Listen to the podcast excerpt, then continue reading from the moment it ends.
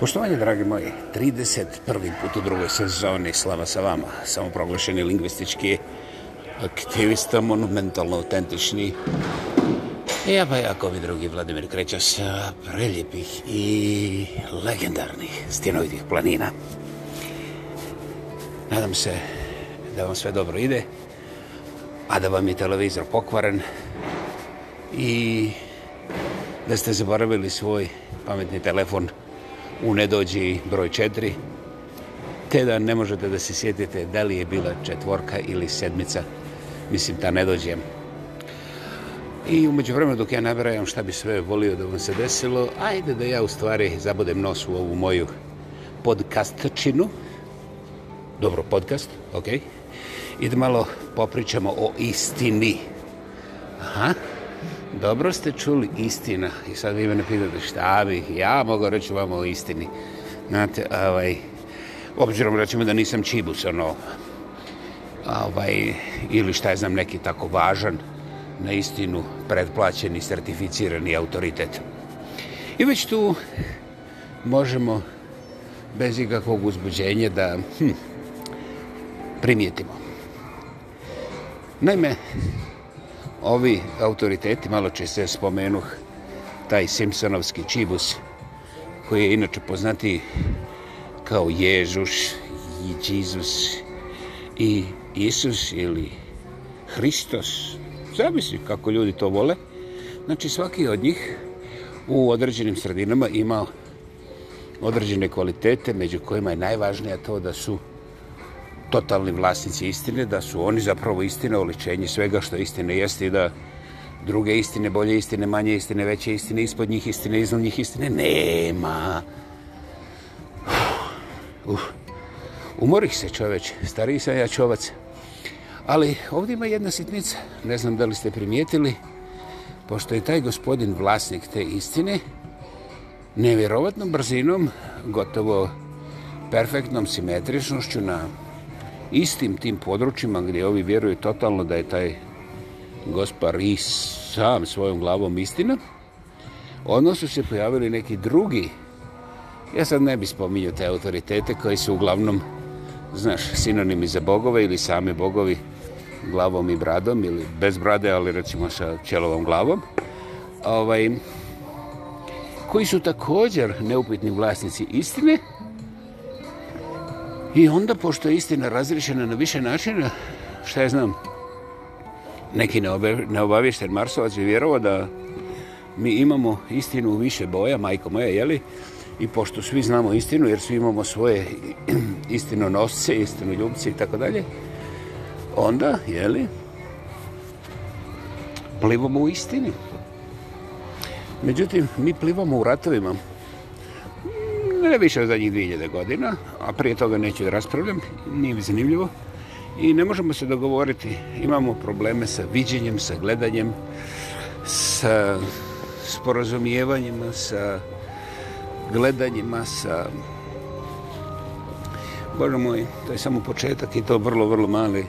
Sa čim god, sa čim god ovaj, hoćete, imamo problema. Uh, jer istina, kao što reče jedan neki naučnik ili filozof, izaberite, odaberite, nađite, nas nije oslobodila, ovo ovaj kažu da nas istina oslobađa. Mislim, uh, naporno. Dakle, šta onda vi možete reći svome djetetu o istini? Pa, pošto radite, pošto ste preoterećeni sa plaćanjem ziliona računa, pošto imate sami sebe na vratu, pošto vam vaš vlastiti stomak ne dozvoljava da šeta okolo prazan. Pošto vas potežu za sve ruke, rukave i čak riječi koje ste dali za vaše vlastite obećanja, onda vi ne možete da ostanete neutralni čak i kada to proglasite, pa potpišete, pa napišete, pa certificirate, pa onda sazovete ratifikacijski referendum, ništa od toga ne pali, spakovat će vas na rat prvom prilikom, najbolje i prije prilike, jer ovima što nas vode, ovim... Kako se, da, li, da li ti koji nas vode zovu se vodiči? A ne, to su, to su ovi leaderovi, ne, ne leder, to je bilo koža. Znači, to su te naše neke vođe, a u stvari oni su guratori rata, jer oni ovaj, dozvole prednost samo kada se ovi redovi slože za odlazak na front i sad su oni uvređeni oko toga, međutim, sve ste vidjeli na televiziji, iako vam je televizija pokazala i pokazuje sustavno obrnuto od onog što ja upravo rekao, vi ipak vjerujete svoje televiziji jer ona ima uhuhuhu, ima svoj ovaj, mislim, način da vam to sve lijepo pokaže u bojicama koje se vama sviđaju, sa tonovima, na načinima i tako redom. Dakle, istina o vašoj stvarnosti nije istina dok je ne ratificira lokalna televizija, radio novine i mislim ono što se uglavnom u selima okolo Albanije zove medija sistem primaricus vulgaris. dakle, to je nekako uvodna pričica okolo istine koja, Bogu hvala, može da se ispriča na zelion različitih načina. Ne sporim niti želim ući u diskusiju, nego želim nastaviti. Dakle, svi inženjeri ove planete, ali i svi drugi uspješni stvaratelji, graditelji, mislioci, ljudi koji žele nešto izgraditi, znaju kolika je moć skice. Skica to je ono kada čovjeku padne ideja, jedan od momenta, jedan od impulsa stvaranja. I on treba komad nečega, može čak i stolnjak, ali nećemo, tu se pričaju one skice o granicama, to ćemo ostaviti sa strane, to je za ove super pametne vodičove ili vođe ili kako hoćete. A ove leaderove, bez ledera, ok. I njima treba vrlo brzo nešto da zabilježe. I to što oni zabilježe, obično nema apsolutno nikakav smisao za nikoga osim njih. Dobro ste čuli. Te brzopotezne skice na impuls su uglavnom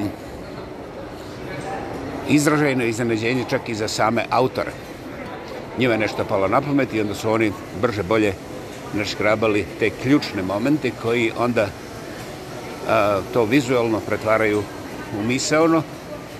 Skupa u procesu koji je misterija prave smisaoni proces, odnosno ne, cijelinu iz toga procesa i normalno čovjek onda razvija dalje detalje, recimo novog svevičkog roda ili možda kokošinjce za krav. Ko zna, ljudi su kreativni. Dakle, taj jezik, taj samogovor unutar te skice ima moći kojih ni sam autor nije svjestan, ali ne želi da ih se odrekne zbog toga što i prošli put mu je tako upalilo, dobro radilo, poboljšalo mu život. Dakle, da li je to istina ili je to samo znanje? Znate, miješanjem baba i žaba u bilo kojem loncu dobijete a, pa, perfektan materijal za gradsku kanalizaciju.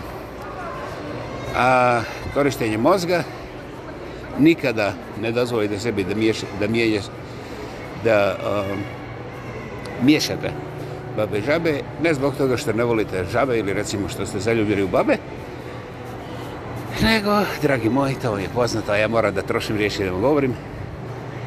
E, nije atraktivno. Miješanje baba i žaba, ono ne izgleda baš previše atraktivno. Najgora stvar ne može da se nikome proda, uglavnom, nema tih luđaka. A onda, ako ne može se proda, šta da radiš sa svojim troškovima miješanja baba i žaba? Mislim, tu treba posuda, tu treba vrijeme, onda treba... Eh, bože moj, Dakle, ne dolazi obisir. Eto ga. Dakle, da li je istina pamet, odnosno inteligencija? Pamet i inteligencija će uvijek biti jedno e, za ovaj podcast, jer to je posebna priča koju, naravno, ja cijelog života ne mogu da završim, ali ovdje, eto, brutalno i držim na jednom. I sada, taj gospodin inženjer je zamislio neki svemirski brod koji ide četiri brzine u rekvarc, a ne troši ni dizel, ni ovo gradskog gnojivo, nego samo stajsko gnojivo i to još dobro. Eto ga. Ko je znao to? Niko. I ovaj, on pojma nema kako je došao do toga, ali je došao do toga i sad idemo u rekvers u svemir. Super. Jer je ekonomski isplativo i, znaš, ne zagađuje prnjavor, nego zagađuje samo atmosferu. To je kratko vrijeme atmosferu, a poslije toga svemir koji je bespregledan i to znači nikom ništa. Eto, vidiš, računica. Sada dolazimo u situaciju da ostavimo pamet po strani i primitimo da je istina da je ovaj gospodin pomenuti pr, u ovom primjeru inženjer na tom nečitkom materijalu uspio da zabilježi jednu ideju koja je dovela do vrlo kompleksnog rješenja koje je čak izgrađeno i donosi korisne rezultate ne samo za njega nego za čovječanstvo zamisli. I taj čovjek sasvim sigurno zaslužuje svako poštovanje, čestitke, a Boga mi i nova za urađeni posao. Međutim, vjerovali vi ili ne, on pojma nema kako je to došlo. Njemu se ukazalo, on je razvio, onda su došli drugi, u timu su još neki primijetili da može i ovo i ono da se napredi. I tako onda iz tog inicijalnog pojedinče, pojedinčevog e, kreativnog bljeska, um, ta uža okolina oko njega, uglavnom profesionalna, se složila, ne samo oduševila, nego se složila, pa onda radila, razmišljala i razvila fantastičan proizvod koji nadmašuje sve ono što je bilo, recimo, do jučer poznato.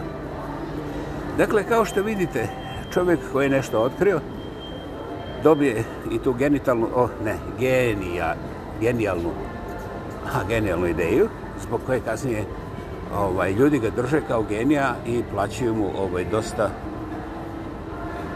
dosta tog novca što zaslužuje, Bože moj, ja bi tražio da sam tamo. A, ima nevjerovatno pošto, poštovanje od sredine i onda on drži okolo nastavu kako se njemu desilo da mu se upali lampice i tako dalje. Ono što u tako dalje uglavnom nema i neće se pojaviti je da taj čovjek pojma nema šta se zapravo desilo i kako je njemu ta lampica upalila. On može da opiše, znaš, ono, gdje je bio, kako je bio, koja je bila temperatura, da li je bilo vremenskih nepogoda. Ali zašto se njemu upalila baš ta i takva ideja, o tome ni on sam nikada pojma neće imati. Dakle, vratimo se na istinu. Šta je istina? Istina. Pa znate, u društvenom smislu istina je ono što on ispriča na televiziji, pa kad prima Nobelovu nagradu, pa kad skupi masu novaca i napravi sebi šta ja znam, neki kokošinjac. Zašto smo rekli, za žabe ili za babe? I ne znam već šta napravi i kada bude tako ugledan i strašan autoritet. Međutim, nevjerovatna armija, je, dobro ste čuli, doslovno se armija puno školovanijih i kvalitetnijih u smislu tog nekakvog obrazovanja i titula koje su skupili kroz život, istih takvih inženjera nikad neće doći na tu scenu. I sada to vi onda povezujete sa nekakvom srećom, a ja se onda vratim na taj kosmički brod na staj, grad, ovog, stajvu gnojivu, stajskog gnojivu. I onda vam kažem kako je to briljante. I onda, znači, imamo diskusiju koju ćemo se uvijek tući, Bogu hvala, isto kao i one, ovaj, što su istina, onaj Čibus i oni drugi kontračibusa koji su svi oličenje istine i sami su istina, pa se mi onda umjesto da budemo braće i da se volimo jer istina je tu, mi se onda tučemo i doslovce koljemo ovaj, ko je vlasnik istine. Dakle, nije bitno šta je istina, nego ko je vlasnik istine, nećeš ti meni tako razumiješ. Zašto mi imamo taj fetiš ko je vlasnik istine? Pitajte mamu i tatu. Škola vam sigurno nije dala taj odgovor. O, u stvari jeste, oni su vam uprali prst na front i rekli kad potučete ove tamo njihove, kad ih dovoljno smežgate, smućkate i tako propustite kroz kanalizaciju, ne morate ih pobiti sve. One koje ne pobijete, oni će prihvatiti da ste vi u pravu, jer vi ste u pravu zato što ste pobjednici, to je tako dokazano, preko krvi njihovi dedova, očeva i tako dalje. Ali i baka, bože moj, usput, ima ti koleteralni šteta. I ovaj... Da, sve ono što vi zovete društvene institucije, vaše vlastite omiljene države, služi samo zato da vas lijepo modelira kontra njizi, jer mi smo vlasnici istine. Jedina stvar i jedina istina je ova naša. I to tako stoji u obrazovanju, u klanjanju, u molenju, u, u svemu. I ovi tamo prljavi njihovi, Bože moj, čim se malo otpusti šaraf, razumiš, ili dođe do bilo kakvih tih nekakvih problemčića, odmah se otvore kapije i bijesni psi nasrnu na ove druge koji su još bijesni psi. I onda ovaj, nakon nekog vremena, znaš, ono desi se umor, pa manjak metkova ili noževa ili zubi se polome, pa to mora stati, pa se onda zove mir, pa se mi onda dogovaramo jer je to demokratski. To je u našoj tradiciji, zaboravimo ratove. Dok ne oporavimo zubalo i dok ne skupimo dovoljno oružje da im opet bemo nanu, jer slušaj, naša istina istiniti je od njihove istine, znaš, i oni cijelo vrijeme lažu. Dakle, iz ovoga kratkoga, iz ove glatke, obaj, i mučene transverzale, možete vrlo lako vidjeti kako je istina vrlo sumnjiv materijal, a sasvim sigurno oružje najprljavije koje je čovečanstvo smisilo. Jer, dragi moji, karakter istine je nedodirljiva perfekcija. Dakle, E, istina je ono što se ne može ni, ni čem, nešto čemu se ne može ni dodati, ni oduzeti. To je ta nekakva principijelna elementarna osnova istine. I samim tim već nazirete obrise idealnog. Obrise idealnog su uglavnom perfektni i suprotni dinamici življenja, znači kretanja. I onda u nekakvom, da ne razvijemo dalje, jer je bilo malo odugo, podugo, i neprecižno, Bogu hvala, jer ja nisam vlasnik istine, ne do Bog, ja to doista od puberteta nisam pomislio i to je za mene završeno. Dakle, u nekoj završnici istina je apsolutno perfektna struktura koja može biti u bilo kojoj dimenziji, ali je zbog svoje perfektnosti nepomjerljiva. Nepomjerljiva, to znači da je u svojoj cijelosti nepojmljiva takozvanom radećem svakodnevnom mozgu. Znate, i sada da skratimo, da probrutalimo malo, da li to znači da smo svi lažovi? Po definiciji, svakako, ne zaboravite to. Međutim, I sami znate da u prodaji istine, naša televizija kaže da su oni tamo ružni, onda ovaj kaže da zle, onda ja kažem da je moja kita veća od perine, znaš, i sad postoje te takozvane bijele istine, a postoje i one, znaš, crne istine, znaš, kada se tumači, na primjer, da kada bi mi svi bili jedna rasa, znaš, kada bi poklali ove druge rase, a bila samo naša, neću vam reći koja je naša, ali vi izvolite i 74 puta razmislite, onda bi mi svi bili uspješnije čovečanstvo. Znate, to je, to je crna, zlokobna, takozvana istina i to tamo gdje se protura treba biti tumačeno kao kancer, kancer društva i um, definitivni fašizam zdravog razuma. I to, znate, nemojte podučavati, bježite od toga. Ja ne kažem da ćete bježanjem nekoga prevaspitati, ali ako pokušate podučavati, onda ćete upasti u rat. Nagradno pitanje, da li vam treba rat oko nečega što je svakoj budali jasno ako želi da živi? Zašto je to budali jasno? Pa znaš šta, kad staviš ispred budale dva, tri čovjeka različitih boja, znači različitih rasa, i onda kažeš, snoš, kad ubiješ jednog od, od ove boje, onda će ovi s ovom bojom biti, na primjer, jasnije boje nego što su bili dok je ovaj bio živ. I onda ti budala kaže, jebu, jebu ga ti, brat, ti to, mislim, ćeš u čovjeka za takve stvari. A, ovaj, znači, ja budale poštujem i e, ovaj, to bi bilo to. Dakle, dragi moji, postoji još jedna istina, recimo na vašem satu ili kalendaru, zavisi kojom brzinom se krećete, popijem kavu sa jednim starim oficijenim kanadskim piscem koji je, eto, vodio računa o nekim principima, dakle, njemu je bila važna istina, a ovaj, ja sam dobio kavu od njega zato što sam rekao, ti si glup, ovaj, jer e, što se tiče istine u javnom prostoru, tu se samo slažeš sa dominantnom istinom, a inače da tražiš istinu u javnom prostoru, hoćeš institucije, političke eh, partije, političke eh, politička kretanja, čak i tržišna kretanja, recimo, izabere.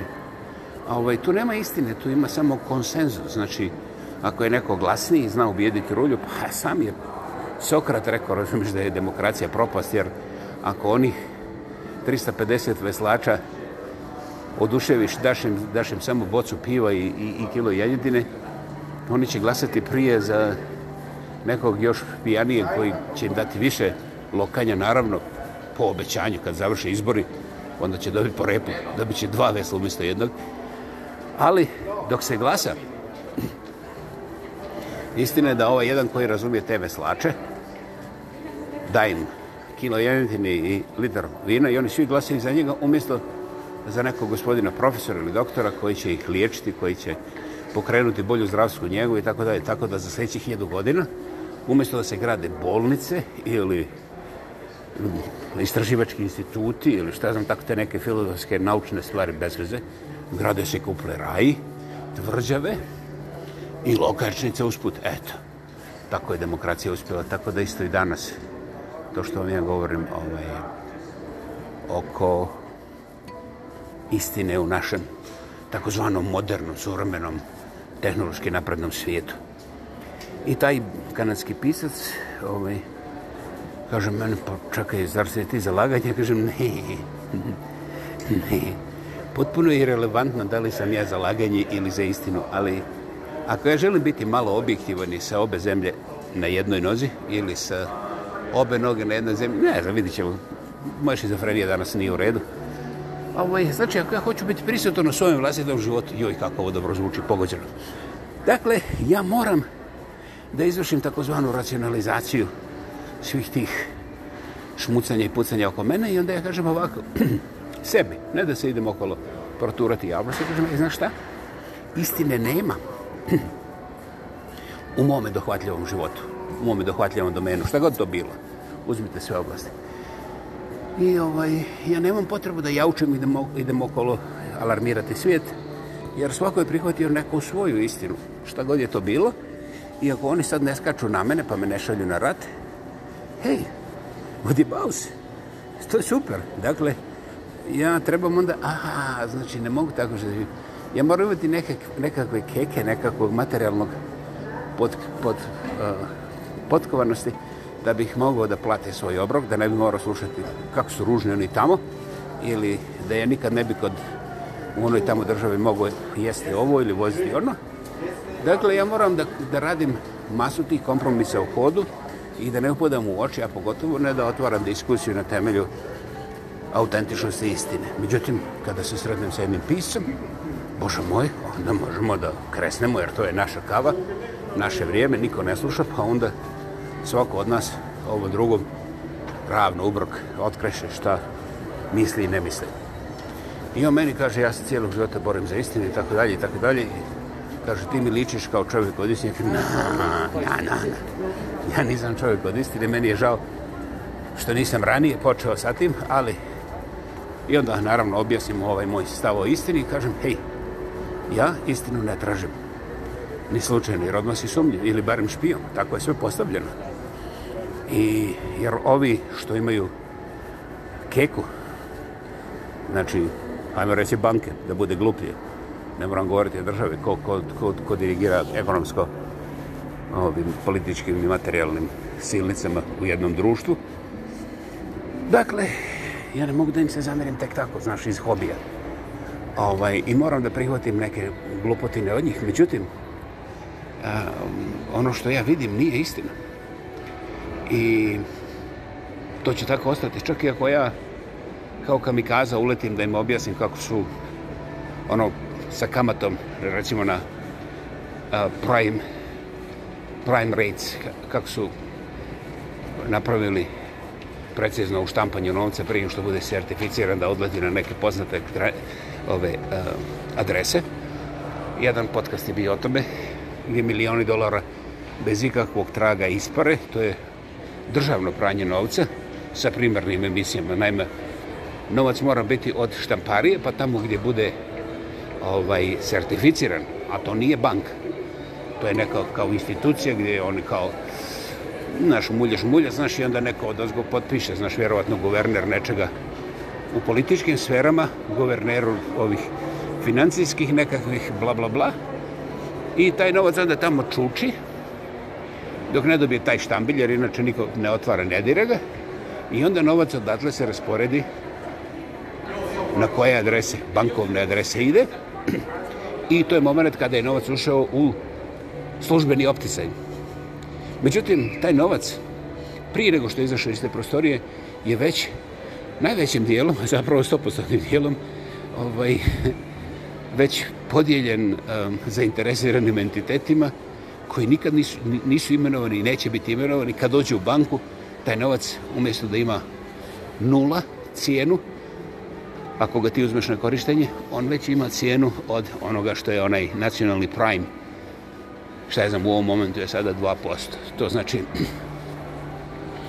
ako se ti u krugu tih povlaštenih, tih 100 miliona dolara koji su tek otprintani, ti dobiješ telefonski poziv, ti kažeš aha, i onda to ide u banku, i ta banka, čim taj novac dođe do banke, već je 2 miliona sjelo na tvoj račun na koje nikada nećeš platiti porez i koje možeš koristiti u nevjerovatno kreativne svrhe.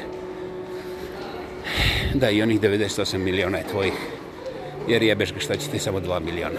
Dakle, šta je tu istina? Ljudi moji, ako to otkrijete i dokažete naravno, pa onda prezentirate u javnosti, prije svega ne vjerujem da će neki od prime medija to prihvatiti. Znate, Julian Assange je uh, jedna velika lekcija na tom putu, ali zapravo u onom nekakvom realnom smislu vrlo, vrlo mala. Znate, ljudi nisu zainteresirani da gledaju na tu stranu jer misle, hej, jebeš ga, ako je čak i ota dva miliona bude malo šušu i mušu, ja ću krehnuti 20.000 dolara ili recimo šta misliš 200.000, wow, i onda mogu da kupim kuću. Znaš, ljudi su sitne kurvice koje možeš kupiti za, za šaku sporednih novaca. Uglavnom, dragi moj kanadski pisac je meni naručio kavu i rekao, po pa ovo nisam tako razmišljao, kažem, hej, nisi ni pokušao kao 110% svih onih koji slušaju ovaj podcast. Jer ovaj, svi misle kad otkriju neku istinu da će odmah ravnu u revoluciju i da će svijet postati bolji. Znate, ta laž se vrti na istoj matrici od kad je svijeta i vijeka ta ista stvar zbog koje pubertetlije prave partiju u slabo osvjetljenom prostoru i sa mješavinom ko zna kakvih blesotina za lokanje i njušenje i ušpricavanje i šta je znam. Znači, koncept razumijete. Onda meni taj moj kanadžanin kaže, on je malo ovako okolo te kvantne fizike, bla bla truć, kaže, ili ti znaš da ne postoji ni sada. Ja kažem, kako misliš sada? Pa kaže, sada, evo, ovaj moment.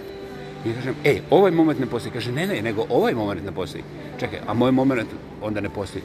Kaže, ne, moj moment sada ne postoji. Tvoj moment sada ne postoji. Ja kažem, jebote miš, pa onda mi ne postojimo. On kaže, ne, ne, ne, ne. Mi postojimo, ali moment zvan sada, znaš, ne postoji.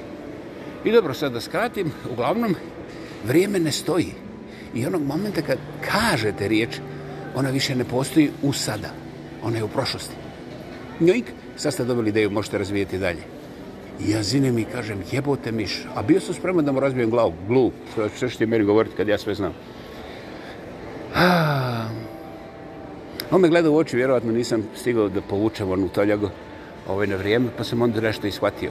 Eto, u tome duhu i vas pozdravljam i nadam se da ćete razmišljati, koristite to što vam je Bog dao. Jer znate, ne postoji čovjek ovaj na, na ovoj planeti koji koristi više od 10% svojih možđana. A šta je duhovno unutar svega toga, to je potpuni mrak, to zavisi u šta vjerujete. I ja vam želim prekrasan dan. Istinski zahvalan što ste ovdje. I da, moram, moram i hoću. A, na treće mjesto mojih redovitih slušatelja probili su se slušatelji iz zemlje Srbije.